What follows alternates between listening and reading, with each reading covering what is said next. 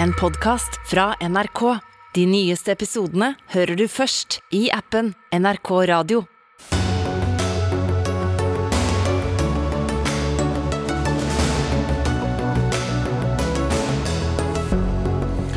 Høy temperatur da den frikjente fetteren til Birgitte Tengs vitnet i retten i dag. Mener han var kalt inn av Forsvaret for å tåkelegge saken mot 52-åringen som nå er tiltalt. Aftenpostens arbeid med Hadia Tajik-saken er en presseskandale, ifølge Dagsavisens Hege Ulstein. Hun møter Aftenpostens sjefredaktør til debatt. Høye forventninger om at lønnsoppgjøret neste år skal kompensere for tapt kjøpekraft etter at alt er blitt dyrere, men blir de forventningene møtt? Og glem blå-blå eller rød-grønn. Nå er det rød-blå som gjelder i Danmark. Dagsnytt 18-publikummet sier Daus litt senere.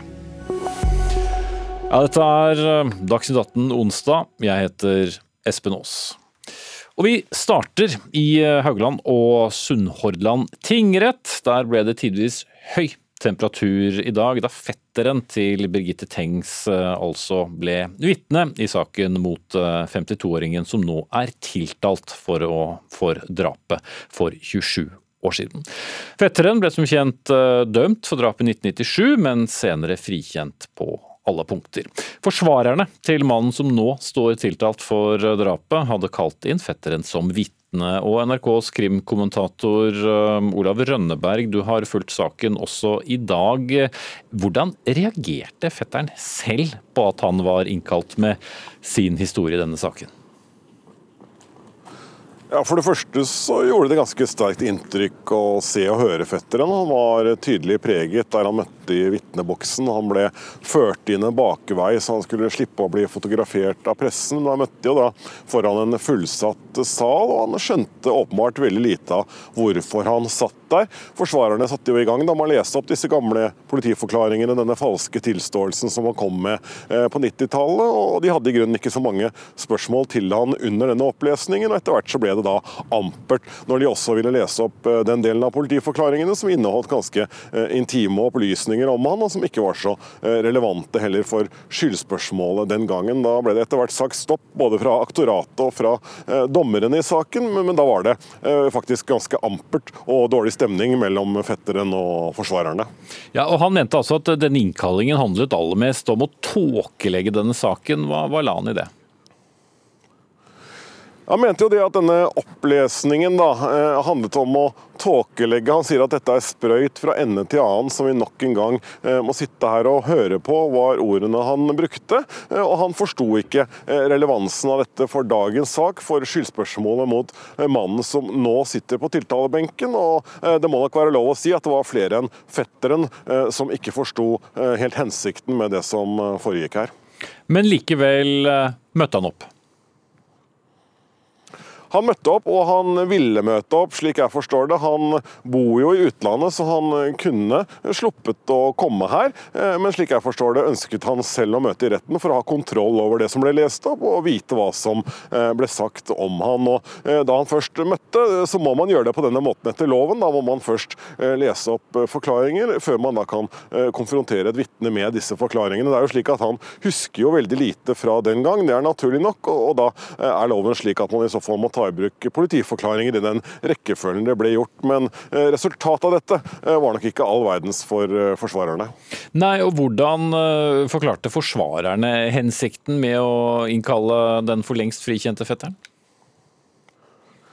Ja, poenget deres er at de vil få frem at alle bevisene i denne saken kan tolkes på mange forskjellige måter. De mener at bevisene den gang ble tolket og lagt til rette dette eh, under fetterens eh, tilståelse, eh, den som da etter hvert viste seg å være falsk. At man i dag tolker de samme bevisene på en annen måte, og tilpasser det til tiltalen mot han som nå sitter på tiltalebenken. Så De ønsker å få frem at det meste i denne saken er gjenstand for tolkning, og at det derfor er altfor usikkert til at denne tiltalte kan dømmes. Og Så blir det interessant å se da hvordan retten vurderer dette til slutt. Heller ikke rettens leder, dommeren, og administratoren, Heller ikke han forsto helt eh, hensikten med dette, sa han eh, i retten i dag.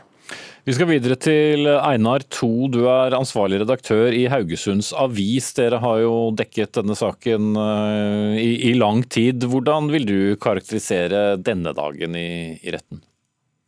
Nei, eh, som Rønneberg er inne på her, det, det blei en litt vond og en litt selsom opplevelse i dag. Eh, opplagt vondt både for, eh, for fetteren og for eh, Birgittes foreldre, som òg var der.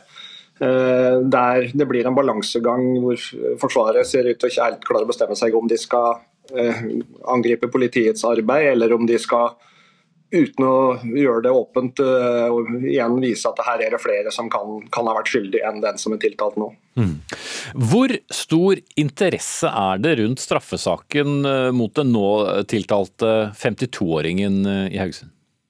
Nei, det er klart det er veldig stor interesse. Dette er en sak som alle kjenner godt til og, har, eller, og har en mening til historien rundt, rundt, fetteren gjør at det har blitt holdt, eh, holdt åpent hele veien. Og, og, alle er engasjert i det her og håper inderlig at det skal komme noe svar eh, denne gangen. Dette er jo da en 27 år eh, gammel sak, altså vi må tilbake til midten av 90-tallet. Hvordan har den eh, saken, som jo ennå ikke er oppklart, eh, satt sitt eh, preg på innbyggerne? Nei, Den har jo vært med oss uh, av og på i alle disse åra. Uh, det har vært et, uh, et, sår som har vært der, noen ganger litt i skyggen, men nå er virkelig plasteret dratt av. Og, og, mange må tenke gjennom den tida som, som, var rundt drapet. Det er mange lokale som har vært og vitna, og, og veldig mange følger med. og og kjenner noen som enten har vært vitner eller som er involvert på annen måte i saken. Mm. Og Så ble det altså en, eh, en, frikjent fetter som måtte tilbake i retten i dag.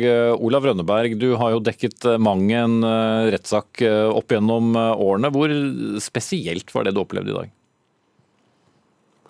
Det var uh, veldig spesielt. Jeg har ikke opplevd noe, noe, lignende i de sakene jeg har dekket. Men så er det også uh, sjelden vi har saker hvor en person som er dømt og frifunnet, så senere møter i vitne vitne eh, i en sak mot en ny tiltalt. Men det var en veldig spesiell stemning i salen. Som jeg sa, det var fullsatt med pressefolk eh, og tilhørere.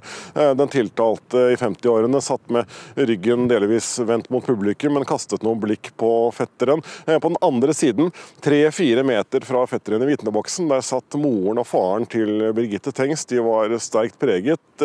Moren gråt gjennom store deler av denne seansen, samtidig som hun satt med blikket festet på fetteren i vitneboksen gjennom disse to timene der dette foregikk. Og Olav Rønneberg, rettssaken eh, er jo nå helt i sluttfasen. Har påtalemaktens sak eh, styrket seg i løpet av de ukene som har gått? Det ble jo reist en del tvil rundt bevismaterialet her. De som eh, følger denne saken tett, mener nok nå at denne tvilen gradvis har blitt noe mindre gjennom DNA-eksperter særlig, men også gjennom annen vitneførsel her. Eh, det skal være prosedyrer neste uke, da får vi høre partenes eh, tolkning av dette. Men påtalemyndigheten har iallfall fått lagt fram sitt syn. De har hatt en grundig bevisførsel i denne saken, eh, samtidig som forsvarerne da forsøker å dyrke denne tvilen så godt de kan. og Så blir det jo interessant å se om de kommer i mål med det. Det er jo slik at retten kan dømme denne mannen, eh, hvis de mener at denne tvilen bare er eh, teoretisk. Og, og Einar To, dersom det nå skulle komme en dom i denne saken, eh, kan da lokalsamfunnet omsider legge denne 27 år gamle saken bak seg?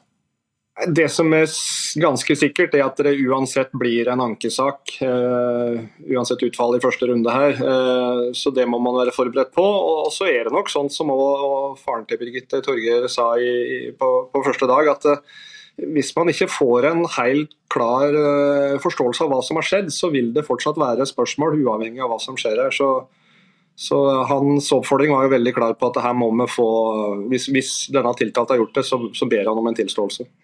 Takk skal du ha, Einar To, ansvarlig redaktør i Haugesunds Avis. Takk også til NRKs krimkommentator Olav Rønneberg.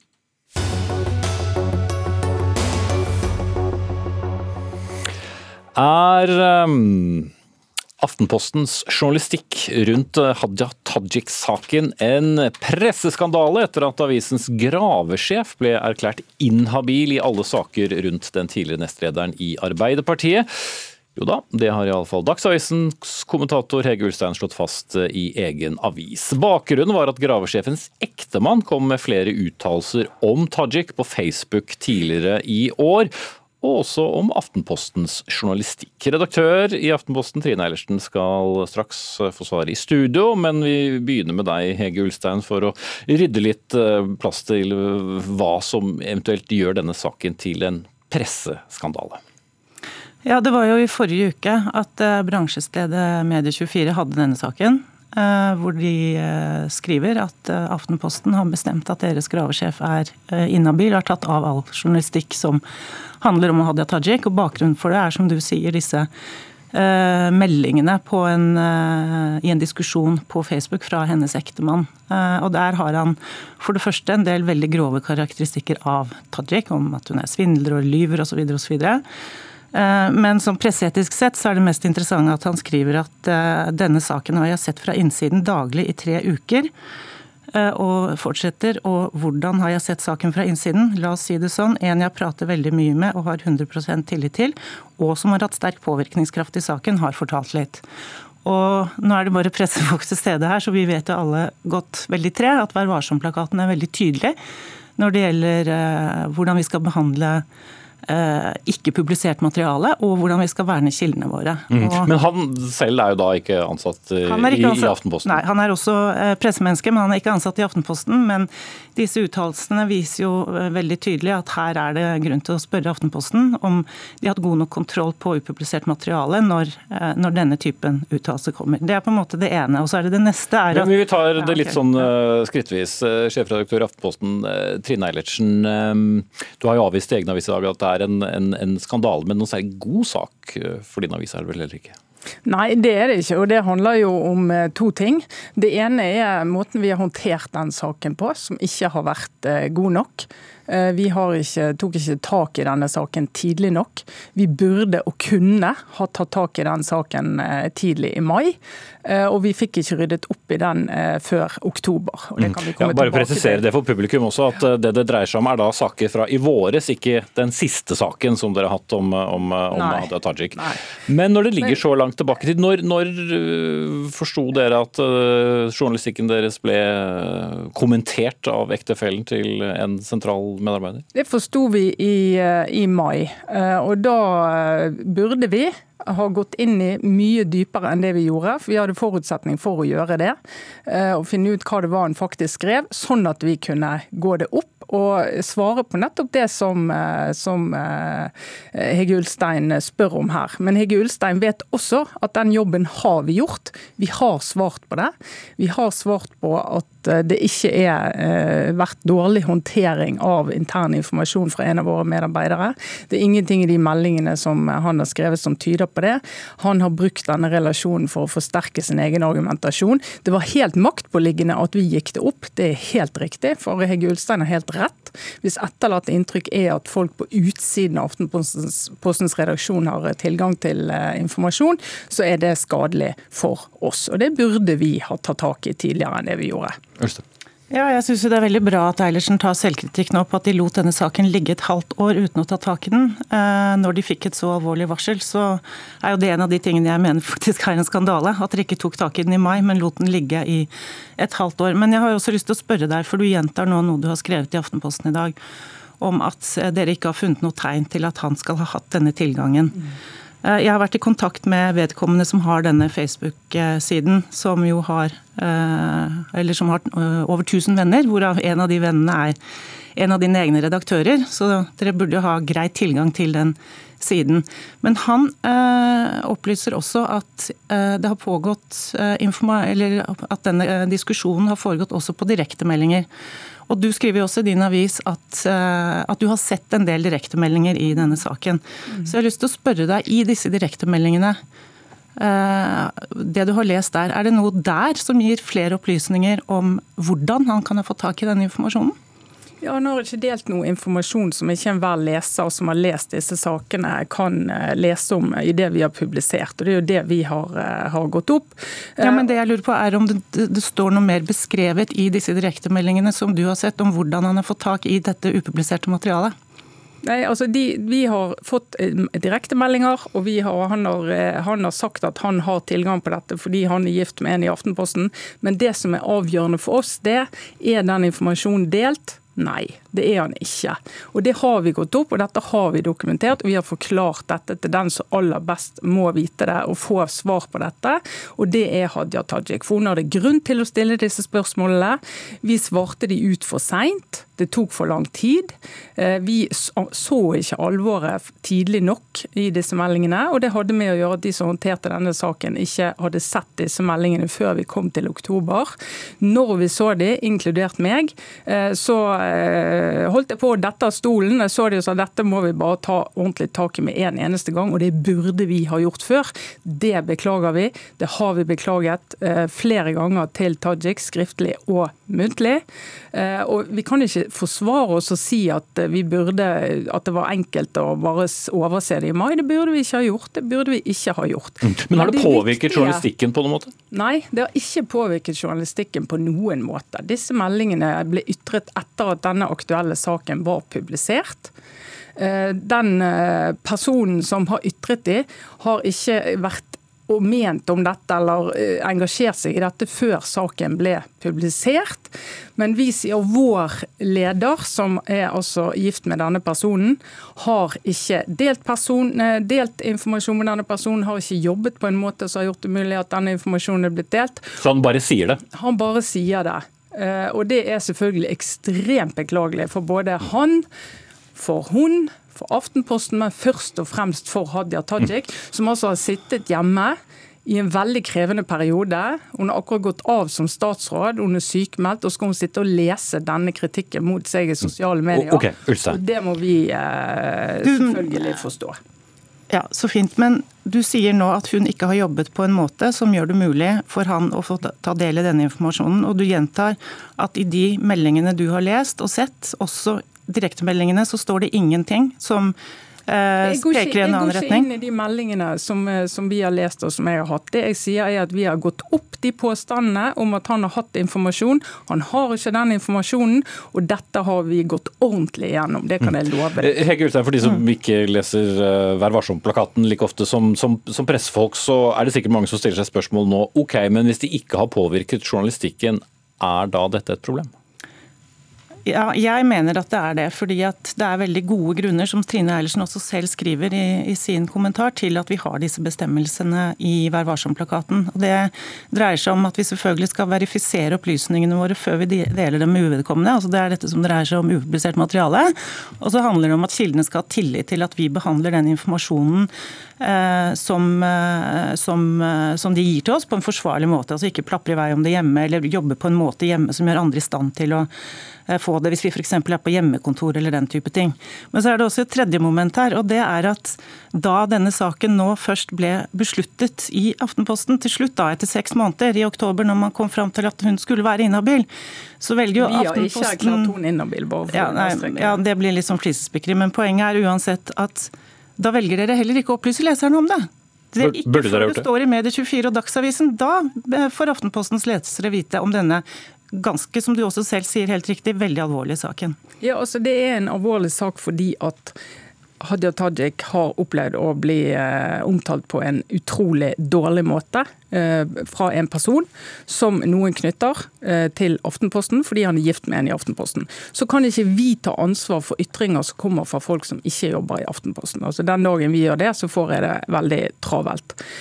Men bare det at den, det spørsmålet stilles, gjør at vi er nødt til å gå inn i det. Og så må vi si han har et engasjement i den saken som gjør at av hensyn til Tajiks tillit til oss, så sier vi hans ektefelle ikke vil lede journalistikk som handler om Men burde dere opplyst leseren om det? Vi, Tidligere? Hadde vi ikke eh, sagt at hun skulle slutte å lede den journalistikken, så måtte vi ha opplyst leserne om hans engasjement. Og sagt det at den som leder dette arbeidet, har en ektefelle som er veldig engasjert i dette. Men dette, vi, vi behandler bindinger i vår redaksjon mange ganger i året. Mange ganger, på å si mange ganger i uken så har vi diskusjoner om bindinger, potensielle bindinger, og så rydder vi i det etter hvert. Men i og med at dette ikke har påvirket journalistikken, det var ikke noen binding der da denne journalistikken ble laget. Og det er ingen binding der nå, i den journalistikken som vi lager nå, så er, opplyser ikke vi leseren om det. Akkurat som vi ikke opplyser leseren om veldig mange andre bindinger som finnes. Vår tid er ute. Sjefredaktør i Aftenposten, Trine Eilertsen. Kommentator i Dagsavisen, Hege Ulstein.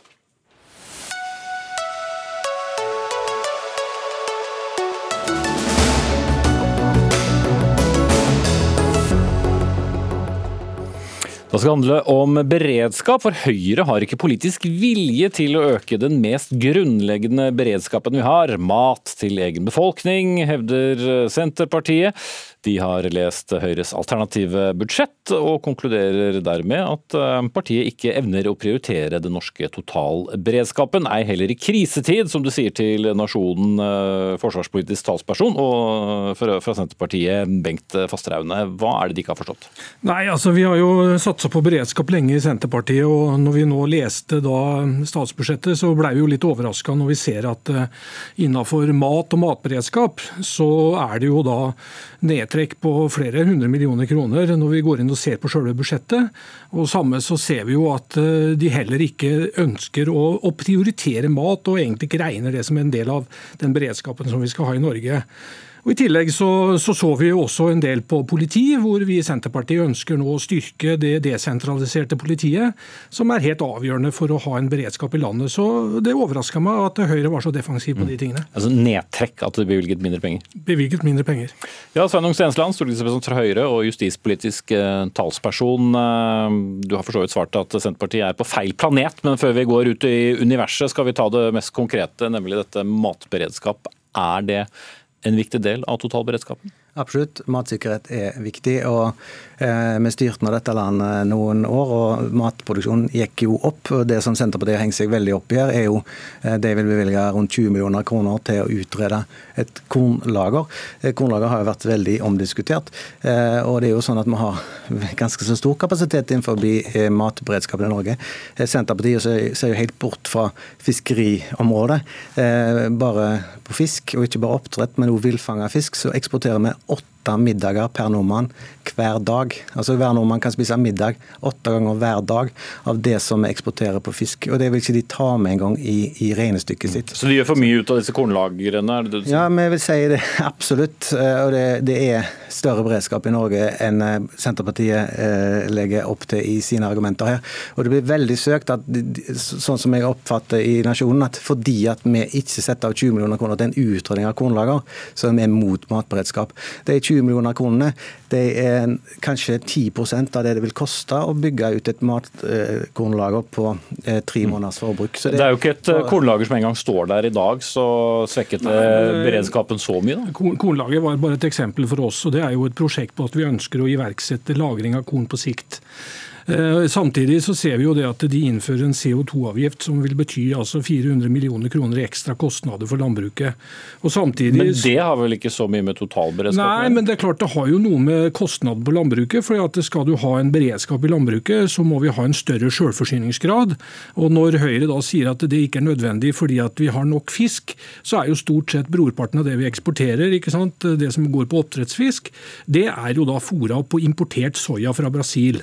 Så det har jo ingenting med selvforsyning å gjøre. og Det er jo det som er beredskap, at du er selvforsynt med mat i mye større grad enn i dag. Jeg hører både på, på dialekten og det som sies at det er liten forståelse for eh, norsk fiskeri her. Altså, først av alt så er villfanga fisk en stor del av norsk fiskerieksport. Vi har hatt en eventyrlig makrellfangst i år med stor eksport. Masse sild til Moe mat som er villfanga. Vi henter det på havet. Og det nevnes her CO2-avgift. Det er vel ingen som har gitt større sjokk til norsk matproduksjon enn Senterpartiet, som over natta kom med en grunnrenteskatt som har satt hele kysten på hodet. Skal vi bevege oss tilbake til beredskap, ja, men, men, men her, her, brukes argumentet at vi innfører en CO2-avgift på landbruket, samtidig som vi stemte for store deler av landbruksoppgjøret, som var en eh, massiv økning i støtten til landbruket i år. Så trekker jeg fram en CO2-komponent. Og vi skal også huske at eh, klimapolitikk er jo en del av norsk beredskap. Mm. Og jeg vil tro at Senterpartiet jo ønsker å oppnå de felles klimamålene mulighetene som vi har. Nå er vi snart ute i verdensrommet, hører jeg, med alle argumentasjonene. Så vi beveger oss tilbake til eh, totalberedskapen her. Og du var også innom dette med politi, Fasteraune. Og hva var problemet ditt der, før jeg stoppet deg? Nei, altså det som, som, er den store forskjellen på Senterpartiet og Høyre når det gjelder politi, eh, det er jo det at vi ønsker jo nå å opprette flere stillinger ute i distriktene. Vi ønsker å, å også da åpne opp flere lensmannskontor. og selv om da Høyre sier at det gir ingen beredskap, så velger de da å si nei til de tiltakene som ligger inne i vårt budsjett. og Det betyr jo i prinsippet at de bruker flere hundre millioner mindre. I tillegg så har de et sånt ABE-kutt, et sånt jevnt kutt over hele fjøla, som gjør at det er nesten 400 millioner mer eller mindre på budsjettet til Høyre enn det det er til Senterpartiet. Ja, det, dette er jo veldig spesielt. Vi overtok et eh, politi og en beredskap i krise. Vi har oppfylt alle anbefalingene fra Gjørv-kommisjonen. Vi har gjennomført en politireform. Vi nådde målet om to politiansatte per 1000. Eh, vi har i tillegg økt 2500 operative stillinger i politiet. Politibudsjettene er økt nærmere 4 milliarder, og vi har brukt 5 milliarder kroner på ytterligere investeringer i politi. Vi har fått på plass tre nye beredskapshelikopter, nytt beredskapssenter på Taraldrud. Nå må du snart få puste. Ja, vi, har, vi, har, virkelig bygd opp politiet, og politiet har hatt så mye penger de har ikke klart å bruke de opp. I fjor så hadde de over 1 milliard i underforbruk, året før 1 milliard i, i underforbruk. Så dette her er egentlig bare sludder. Og hvis du er opptatt, hvis du er opptatt av rikets sikkerhet, så kan du stemme for et av forslagene våre som vi fremmet sist uke, nemlig om å skjerpe rikets sikkerhet. Vi har pekt på en masse ting La oss bare ta politiet Nei, altså, først. Det, han nevner jo da ingenting om det som vi er opptatt av, og det er å styrke politiet ute i distriktene. Det nevner han ikke i hele tatt. Men da handler det om reisevei og hvor vi har politiet, hvor vi ikke har politi, og hvorvidt det sentraliseres. Det regner seg, det, altså I en sånn krisesituasjon som vi er i nå, så er det helt avgjørende at vi har et styrka politi ute i distriktene. Politiet samarbeider i dag med å løse oppdrag sammen med Forsvaret på olje- og gassinstallasjoner. Akkurat eh, som, som det har vært bestandig, så er det altså ute i distriktene som Høyre kutter dramatisk. Og de bruker altså 375 millioner kroner mindre i sitt budsjett enn det vi legger opp til i regjeringen. Det er jo veldig rart at politiets, eh, Politiforbundets ledelse i VG for et par uker siden var ute og ropte varsko her fordi en vil bygge ned politiberedskapen, spesielt i sentrale områder. Jeg vil bygge ned politiet for å lage nye politikontorer som ingen vil ha. Vi trenger politi som er ute og ruller på veien, ikke politi som sitter i kontorer. Det er nesten ingen som vil ha disse kontorene som Senterpartiet drømmer om. Og I tillegg så er det sånn at vi har responstidkrav. Under vår regjering så ble responstidkrav på alle tre nivåene ble oppfylt. Så dette her stemmer ikke. Men vi må gjerne holde på med symbolpolitikk og nostalgi om gamle dager. Men vi har bygd et moderne politi som møter nåtidens kriminalitet. Vi kom oss ikke ut inn i verset. Kanskje vi burde gått inn i beredskapsbua. Sveinung Stensland, stortingsrepresentant fra Høyre. Bengt Fasteraune, stortingsrepresentant fra Senterpartiet.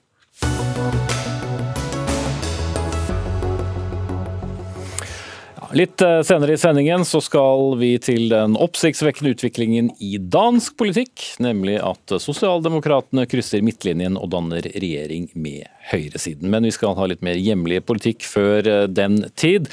For sentralt bestemte verneplaner, som vi også kaller det, for natur har fått eh, flere ordførere i landets arealmessige største kommuner til å gå sammen i Dagsavisen med et klart nei til mer vern av natur i egen kommune.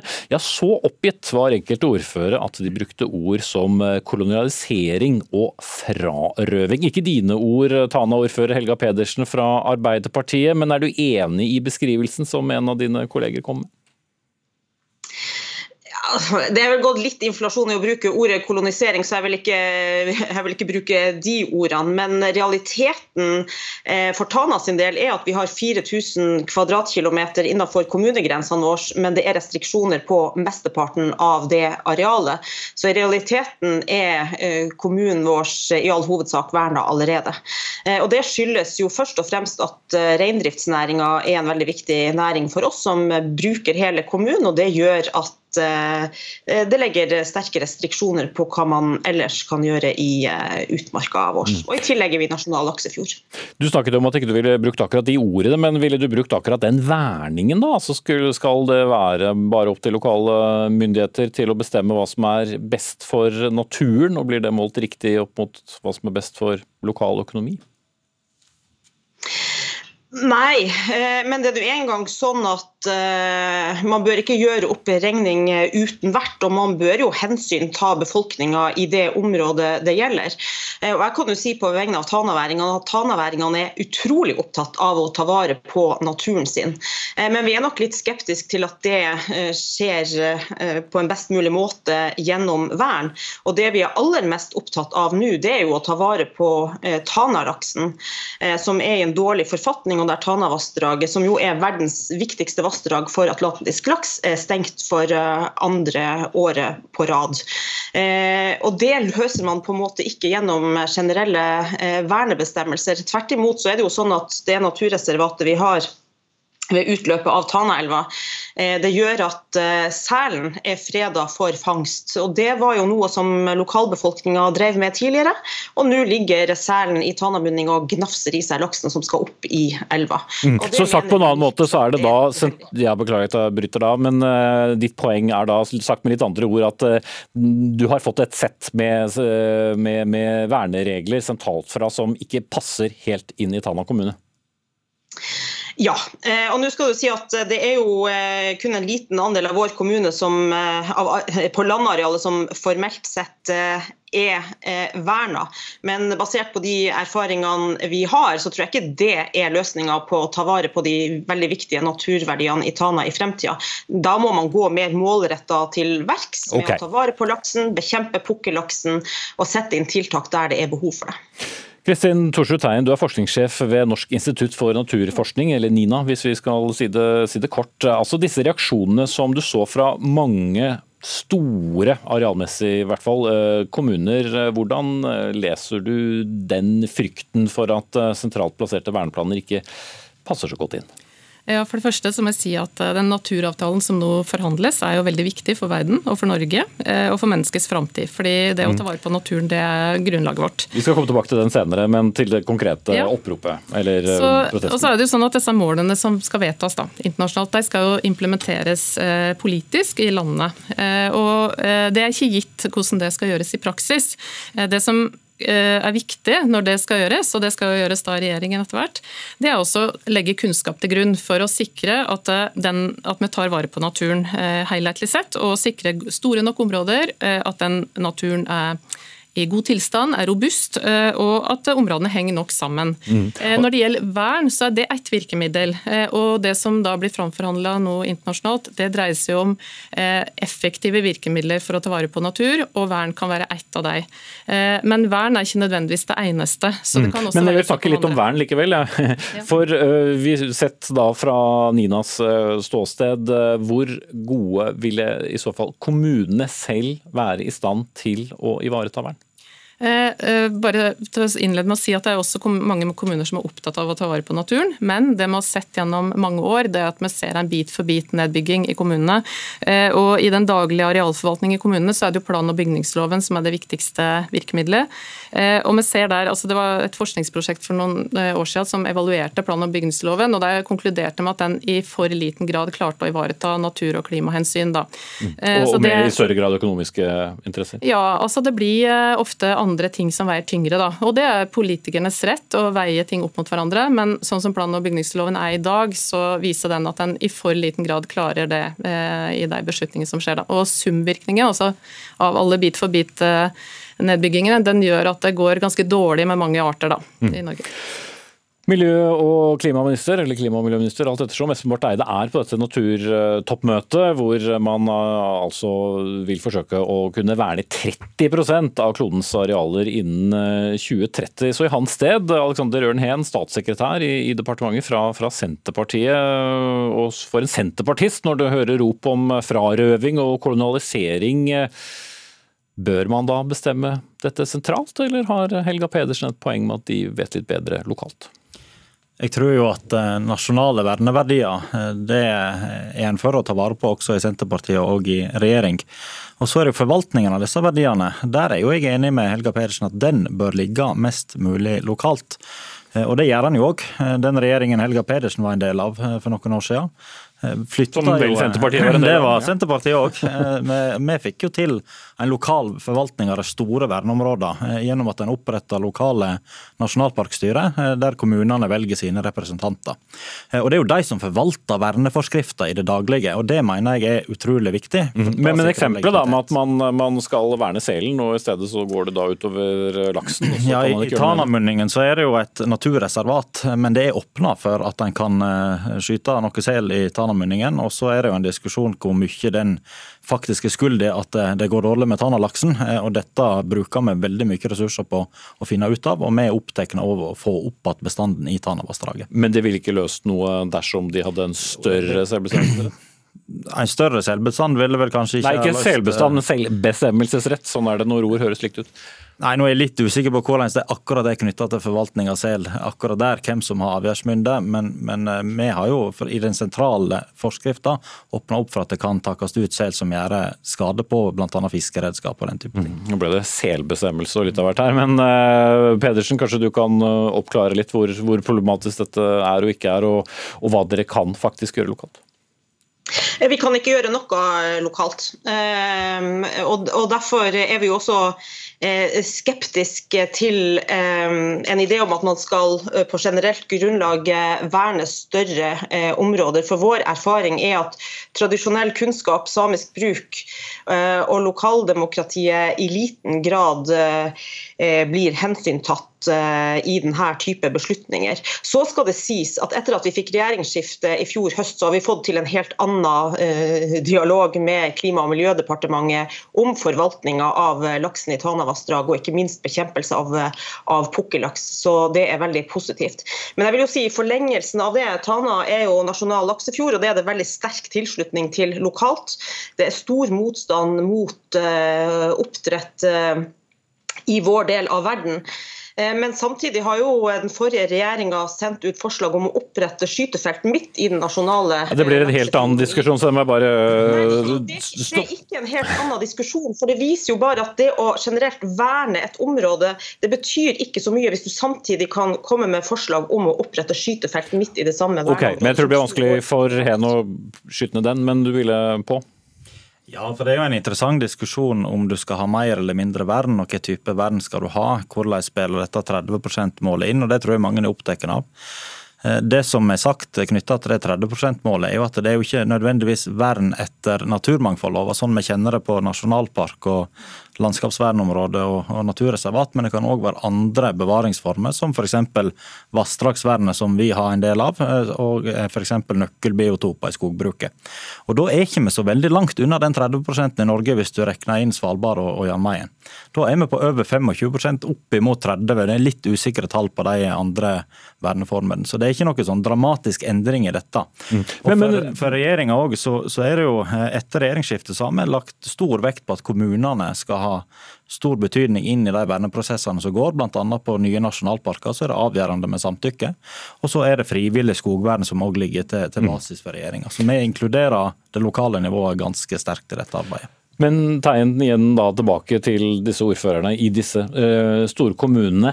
Er, utover selvfølgelig at det vernes eh, natur, som de fleste har en, en, en, en interesse av i det store bildet, er det ellers noen fordel for kommunene med disse verneplanene, når de har, eh, ifølge dem selv, i hvert fall ganske minimal påvirkning? Eh, Ja, altså det er mange fordeler med å ta vare på natur. Altså Med å ha reiseliv, friluftsliv. altså Disse områdene er kjempeviktige for eh, trivsel, helse, fysisk og psykisk helse. og Utlendinger kommer jo til Norge for å oppleve naturen vår. Sånn at For mange som har nasjonalparker i kommunene, så vil det kaste noe av seg der. Eh, En annen ting som er viktig å ha med seg når vi snakker om det med effektiv ivaretakelse av natur, det er at det, Vern er også så mangt. Da. Det er mange typer verneformer med ulike reguleringer. og Det som er viktig å ha med seg i de prosessene, som er veldig omstendelige i departementet, med både samiske interesser og kommuner og alt, det er også på en måte skreddersy da, eh, her vernereglene til det du skal ivareta.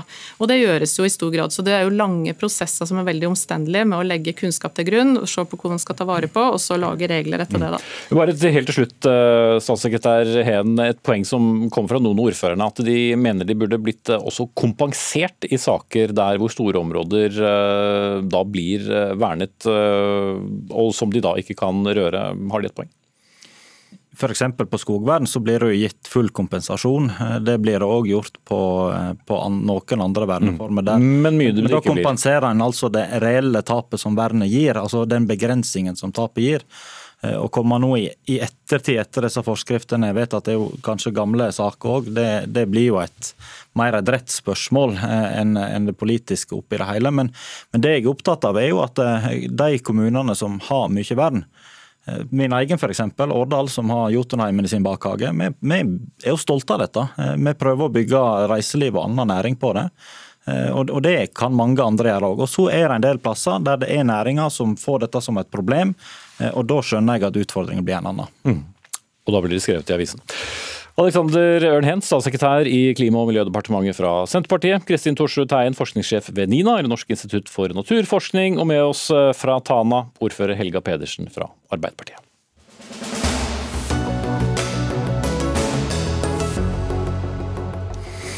De aller fleste har fått litt mindre å rutte med, det vet vi alle. Det alt er blitt dyrere. Og mange håper derfor på en lønnsjustering i neste års oppgjør, som kan kompensere for den tapte kjøpekraften. Men blir det sånn? I ettermiddag møttes partene i arbeidslivet på kontoret til statsminister Jonas Gahr Støre for å komme med innspill til hvordan utviklingen av lønningene våre skal formes i fremtiden. Øystein Dørum, sjeføkonom i NHO. Hva var ditt viktigste innspill i så måte? Eh, vårt viktigste innspill var at Eh, frontfagsmodellen, den modellen vi har for lønnsdannelse, den har tjent oss vel i mange år. Den har eh, bidratt Uansett det faktisk høres ut som. den, har, den har, tjent oss vel i, i mange år, vil jeg, vil jeg si. Altså gjennom, gjennom, skiftende tider bidratt til bl.a. høy produktivitetsvekst, høy omstillingsevne, små forskjeller. Bidratt til det tillitssamfunnet vi har. Bidratt til et samfunn med lavt konfliktnivå, for å mm. nevne noe. Men samtidig også da er det konkurranseutsatt industri som, eh, som, danner grunnlaget. og Ut fra de utsiktene som dere la frem vel eh, i går, så blir det ikke noe sånn hurra meg rundt lønnsoppgjør, mellomoppgjøret neste år? Jeg tror arbeidsgiversiden aldri vil argumentere for et hurra meg Nei, det har du rett i, men, eh, men, men, men, men bare i, i, kort. altså Modellen hviler jo grovt sett på to bein. og Det ene beinet er at lønnsveksten i industrien, altså frontfaget, den må tilpasses lønnsevnen i industrien. Hvis ikke så konkurrerer de, eller så priser de seg ut uh, i konkurransen med utlandet. Og det andre beinet er at de andre oppgjørene må følge lønnsveksten i industrien. Hvis ikke så taper industrien konkurransen om arbeidskraften. Og så eh, vil situasjonen i industrien, i frontfaget, til våren avgjøre hva som er lønnsevnen i industrien. Og forskuttere det kommer jeg jo ikke til å gjøre her. Det hadde vært veldig gøy, selvfølgelig. Men eh, Roger Bjørnstad, sjeføkonom i LO, du har jo også vært veldig opptatt av rente, og i morgen så ligger det vel an til at eh, det blir enda litt dyrere å ha lån, og du får enda mindre penger å, å bruke. Av dine medlemmer eh, forventer mange å få tilbake litt av den tapte kjøpekraften nå? Ja, Det er jo en debatt som foregår nå eh, med renta. Dette er jo et utvalg som skal jobbe til neste år og avgi innstilling etter planen i løpet av 2023. Eh, eh, men, men vårt hovedbudskap toucher jo denne debatten inn på. Og det er at vi kan ikke ta lønnsdannelsen vår for gitt. Vi kan ikke jobbe i et vakuum uavhengig av støtte støtte fra den økonomiske politikken ellers. Det er ikke sånn at vi kan eh, møte kjøpekraftsnedgang med eh, ytterligere kjøpekraftsnedgang gjennom eh, sterkt økende rente og si, et statsbudsjett som også er stramt, og så skal man forvente lønnsmoderasjon. Dette er, en, dette er å sette Eh, sette lønnsdansen under et voldsomt press. Eh, og Derfor har jo vi sammen med NHO tatt initiativ til at vi må se på de utfordringene vi har i økonomien nå, med sterk prisvekst eh, internasjonalt som kommer inn i Norge på en måte hvor vi kan løse det sammen i den økonomiske politikken. Hvordan gjør man det, da? Ja, det er jo å for det første være enige om hvordan norsk økonomi fungerer, og hvordan, hvilken rolle lønnsdannelsen spiller for å hindre videre inflasjonsøkning. Hvordan lønnsdannelsen bidrar til målet om full sysselsetting, sånn at vi ikke trenger å drive arbeidsledigheten oppover for å bekjempe inflasjonen. Dette er jo hele si, forutsetningen for at vi har den koordinerte lønnsdansen, for at vi skal kunne ha full sysselsetting. Og det er en forutsetning for eh, oss at den økonomiske politikken eh, bygger opp under det og ikke motarbeider det. Så da er det egentlig bare å lage et par nye hull i beltet, da? Hvis du sikter til at vi skal få enda lavere kjøpekraft, så er vi tilbake til Vi sier ikke noe om hvordan dette oppgjøret kommer til å gå neste år. men det er reelt at i dette året så ligger, ligger vi an til reallønnsnedgang. Og Det er en konsekvens av at prisveksten har blitt mye sterkere enn det vi hadde sett for oss. Mm. Det er jo flere organisasjoner og parter. Vi inviterte Uni også, men som, som, som takket nei. Men dette forbundet som er eh, da under paraplyen Unio, er jo dere i Sykepleierforbundet, Lill Sverresdatter eh, Larsen.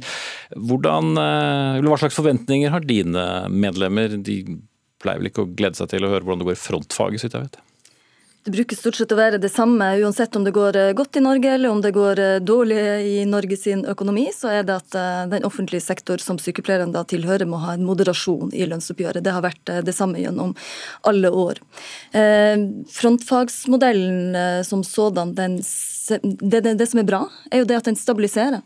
Eh, og det er vi jo helt enig i, også vi i, i, Unio og vi i Sykepleierforbundet. Men det er akkurat det, det som er problemet. Den stabiliserer og sementerer de problemene som, som, vi har i vår sektor.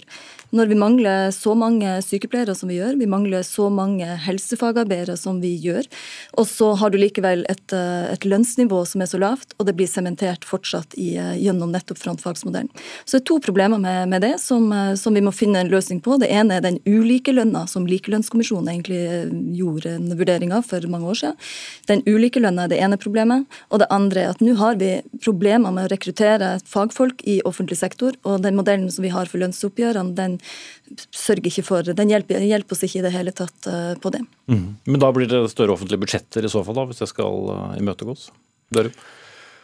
Jo, eh, altså punkt én. Modellen eh, hviler på som jeg sa, disse, disse, to beina. Hvis lønnsveksten i offentlig sektor som helhet blir sterkere enn den man har i konkurranseutsatt sektor, så vil konkurranseutsatt sektor tape kampen om arbeidskraften, og så får man en enda større offentlig sektor. Og Hvis man ser på hvordan eh, utfallet har, av oppgjørene har vært de siste, siste årene, så har lønnsveksten i offentlig sektor vært noe høyere enn det den har vært i, i privat sektor. Så det er ikke slik at modellen som sådan har gitt etterslep for store grupper. Så øh, er det ingenting i modellen som er til hinder for at enkelte grupper innenfor rammen av den samme lønnsveksten kan tilgodeses med, større lønnstillegg dersom arbeidsgiver finner det nødvendig. Altså, dette er ikke en, ment som en tvangstrøye nede på bedriftsnivå. Eh, vi har i makro likeartet lønnsutvikling i privat sektor, men vi har ikke helt identisk lønnsutvikling nede på det enkelte nivå. Så Den fleksibiliteten har også denne mm. modellen. Noen kan få mer hvis eh, andre kan få mindre, da, offentlig sektor. Og I LO så har dere jo begge grupper. Dere har jo medlemmer som er organisert i privat sektor, og mange i offentlig sektor. Men mm. der kommer dere i hvert fall utad og er noenlunde enige om frontfagsmodellen likevel? Ja, og vi ser det jo helt motsatt. Eh, det at vi har frontfagsmodellen har jo sikret alle ansatte i offentlig sektor eh, en lønnsvekst som har tatt del i den eh, høye produktivitetsveksten, den teknologitunge industrien vår. Dette er jo en modell som bringer da verdens mest effektive og produktive industri inn i lønnsvekst i offentlig sektor. Eh, det har jo løftet alle grupper i offentlig sektor eh, mye høyere enn de ellers eh, ville hatt. Og, men jeg har stor respekt for de utfordringene sykepleierne bl.a. står i i det daglige. Og vi er opptatt av at vi ikke må føre en lønnskamp oss imellom at vi får liksom, lønns, lønnskamper oss imellom for å løse eventuelle utfordringer med men, men det blir det jo fort, og vi så jo litt antydninger til det da i, i år, hvor uh, f.eks. dine medlemmer uh, vel ble mer prioritert enn f.eks. lærere, som en del lærere ble sinte for. Og Det kan jo ikke være sånn at eh, kommunene er nødt til å velge om de skal ansette sykepleiere eller eh, lærere, at det er der lønnskampen eh, skal, skal være. Vi mangler, vi mangler, folk i helsetjenestene og i velferdstjenestene våre. Det er en rekrutteringsproblematikk som, som, vi er nødt til å løse. Og om det ikke skal løses altså, Hvis man hadde gjort det sånn som, altså, som i år, fikk vi 0,1% mer til sykepleierne. Og Det ville ta 150 år hvis vi skulle fortsette i den rekkefølgen, og det har vi faktisk ikke tid til før vi da har har likelønn. Men de store problemene vi som samfunn har, det er jo ikke for sykepleiere eller helsefagarbeidere. Det er et stort samfunnsproblem at vi ikke har, eh, har eh, personell i, til, til livs, livsnødvendige tjenester i både kommuner og sykehus. Mm. Men, men, alle det, grupper vil jo mene at de er den viktigste gruppen, enten de skal eh, lære det, bort ungene våre eller ta oss imot oss på absolutt, sykehus. Og alle kan jo ikke få mye. Det er ikke like stor mangel på dem. Ut ifra de demografiske framskrivningene nettopp at vi mangler altså til sammen med helsefagarbeidere per nå, så mangler vi rundt 9000 over det. Eh, personell det er tall som er ment å øke til 2030 til 46 000. De demografiske framskrivene gjør at vi er nødt til å få et eh, Men, men er det bare lønn som, som, kan løse det? Absolutt ikke bare lønn, men vi kommer ikke utenom lønn. Men vi kan ikke løse ubalanser i arbeidsmarkedet med, med lønn eh, til store grupper. Det, vi må jobbe med utdanningspolitikken, vi må jobbe for å hindre frafall fra yrket, og vi må jobbe med HMS og arbeidstidsbestemmelser. Noen vil si at skaden har skjedd i enkelte yrkesgrupper. Og det gjøres jo med lønn ja, det... i alle andre sektorer. Så utrolig rart at akkurat i en kvinnedominert sektor, i offentlig sektor, så skal altså ikke lønn ha betydning. Dørum. Ja, nei, men ikke sant? Nå, Vi er inne på et, på et kjernepunkt. for at eh, Det samme opplever man jo i privat sektor. At det er stor knapphet på kompetanse. Det er To av tre bedrifter sier at de mangler, mangler arbeidskraft.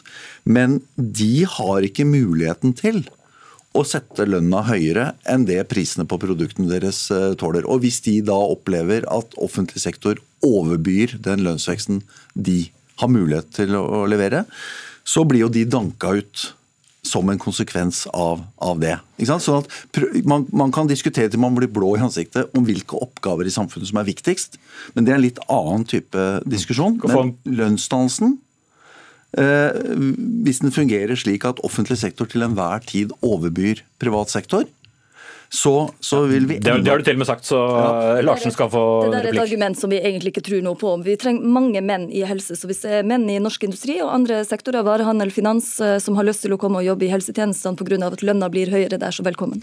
Ok. Jeg har, har ikke tid, eh, Bjørnstad. Beklager, dere må ta den ute. Roger Bjørnstad, sjeføkonom i LO, vi har et innslag til. Lill Sverrestad Larsen, leder av Norsk Sykepleierforbund, og sjeføkonom i NO, Øystein Dørum.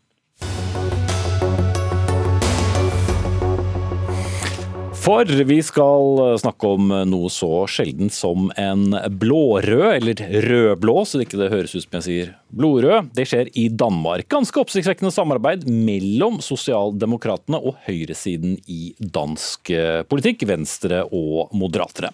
I dag presenterte statsminister Mette Fredriksen sin regjeringserklæring etter en langvarig forhandlingsperiode. Og Norden-korrespondent eh, Joakim Reikstad, mye oppmerksomhet har kommet av de skal fjerne en, eh, en fridag, men la oss starte med dette veldig spesielle samarbeidet og den politiske reisen da som danskenes statsminister har foretatt.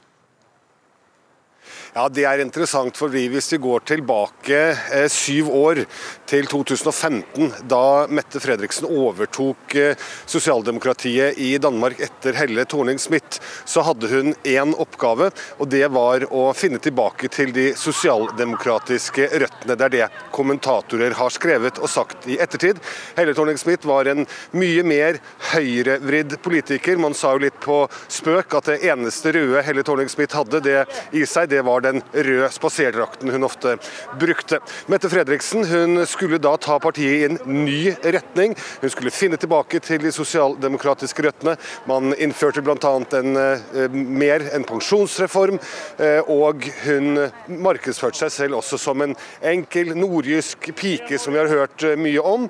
Og, og dermed så skulle hun også da selvfølgelig også føre en mer sosialdemokratisk politikk. Nå, i forbindelse med dette valget, altså i 2013, 2022, så ser vi at Mette Fredriksen har tatt et skritt den motsatte mm. retningen. Mer mot sentrum av eh, dansk politikk, og kanskje også vil mange si at hun har blitt mer høyreorientert enn sin forgjenger Helle Thorning-Smith også.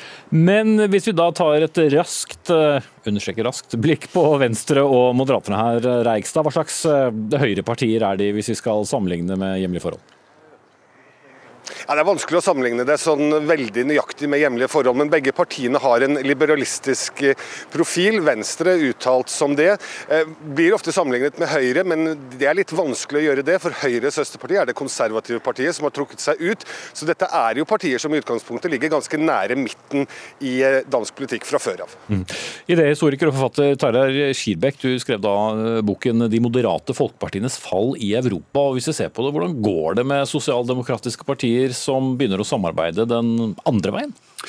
Det tror jeg er litt avhengig av eh, litt uh, hvilket land vi snakker om, politisk kultur. Uh, og så tror jeg det grunnleggende sett handler om hvor store de var eller er når de går inn i samarbeidet. Og Som vi har fått fortalt om her om, i Danmark, så tror vi er vitne til et parti som er ganske full av selvtillit. De er definitivt det største partiet.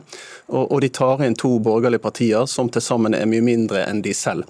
Og så kjøttvekta har mye å si her? Jeg tror ikke sosialdemokratiet i Danmark hadde uh, våget dette kunststykket uh, hvis ikke de hadde hatt den selvtilliten og fått den tilslutningen som de da tross alt fikk i valget.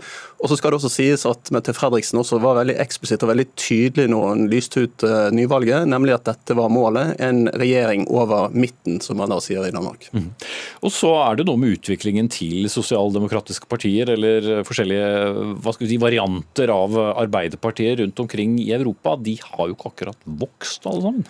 Nei, og de sliter eh, veldig mye. og Det skal også sies at den moderate høyresiden også sliter, men det er annen, en annen sending. Men eh, vi ser at der eh, sosialdemokratiet går inn i en regjering med borgerlige partier, og de er minst, eller en, en, del av de mindre partiene som går inn, så straffes de for det. Og Det så vi bl.a. i Tyskland, hvor SPD, SPD var eh, det minste partiet i en koalisjon med det kristendemokratiske partiet, nesten i 20 år til sammen, i hvert fall 15-16 år, store deler av 2000-tallet. Eh, men vi har også sett andre eksempler hvor det har vært eh, helt OK for, eh, for både det konservative partiet og sosialdemokratene. De har opprettholdt oppslutningen. Østerrike er et eksempel på det. Men det er litt politisk kultur dette snakker om. og I, norsk setting så er dette svært uvanlig og lite sannsynlig at det vil skje her. Men eh, Danmark er et annet land. Det er en helt annen dynamikk i Danmark. og Mette Fredriksen er tydelig på hva hun vil, og hun utstråler selvtillit eh, for å gjennomføre dette prosjektet. Men, men, hvorfor er det egentlig så utenkelig? Altså, du har jo bakgrunn fra Youngstorget og Arbeiderpartiet selv for en del eh, år tilbake. Det er jo ikke kjempestore forskjeller på Høyre og Arbeiderpartiet nå. Vi ser på de store tingene. Mye av kraftpolitikken, klimapolitikken, utenrikspolitikken, forsvarspolitikken. Men det er noen sånne veldig ideologiske skillelinjer. Ja, I Norge har vi heldigvis hatt en lang tradisjon på at de store hva skal man si, statsbærende har vært eh, enige eller kommet til enighet om de store tingene som har vært viktige for landets sikkerhet, nasjonal omdømme, posisjon internasjonalt. Eh, handel. Eh, og Det har vært helt avgjørende for, for Norges stabilitet og, og, bærekraft på mange måter. Og, Det er en tradisjon som kanskje også da har vært bra for oss, men det har også gjort det kanskje mindre nødvendig å se mot slike type regjeringskonstellasjoner som vi nå ser i, i Danmark. Og så må det også sies at jeg tror Mette Fredriksen har lyst å gjennomføre ganske store reformer eh, i Danmark, og jeg tror ikke hun så at det var mulig med den venstresidekoalisjonen med ganske ytterliggående venstrepartier inn i den koalisjonen. Så Derfor valgte hun den andre. Ja, Joakim Reikstad, denne, dette trehodede regjeringsprosjektet. Hva er det vi har i vente? Ja, Vi kommer til å få en eh, politikk i Danmark som eh, skal favne bredt. Det er helt åpenbart at her prøver eh, de tre partiene å lage en politikk som ikke støter så veldig mange fra seg, men som samtidig også hvor alle kan finne noe de er enige. Vi ser jo f.eks. at toppskatten skal, skal, senkes ganske betydelig. Det vil ha mye å si for helt alminnelige lønnsmottakere. Så skal, så skal det komme en pensjonsreform på plass som vil ha mye å si for de som er på vei ut av arbeidslivet. Den den skal styrkes. Så ser vi også at det skal være reformer på helsevesenet. Det er noe mange er opptatt av, saker som opptar mange. slik at her er det en, et forsøk på å samle Danmark kan man si, gjennom politiske, den politiske plattformen som ble presentert i dag.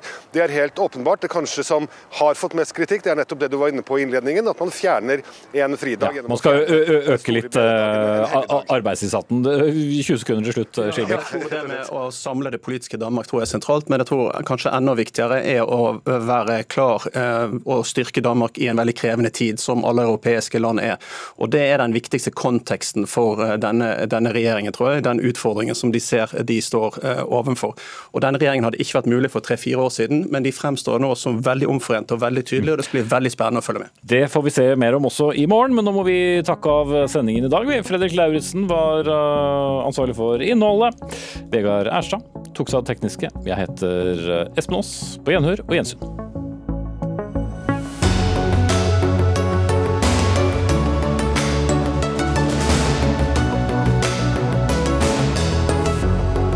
Du har hørt en podkast fra NRK. De nyeste episodene hører du først i appen NRK Radio.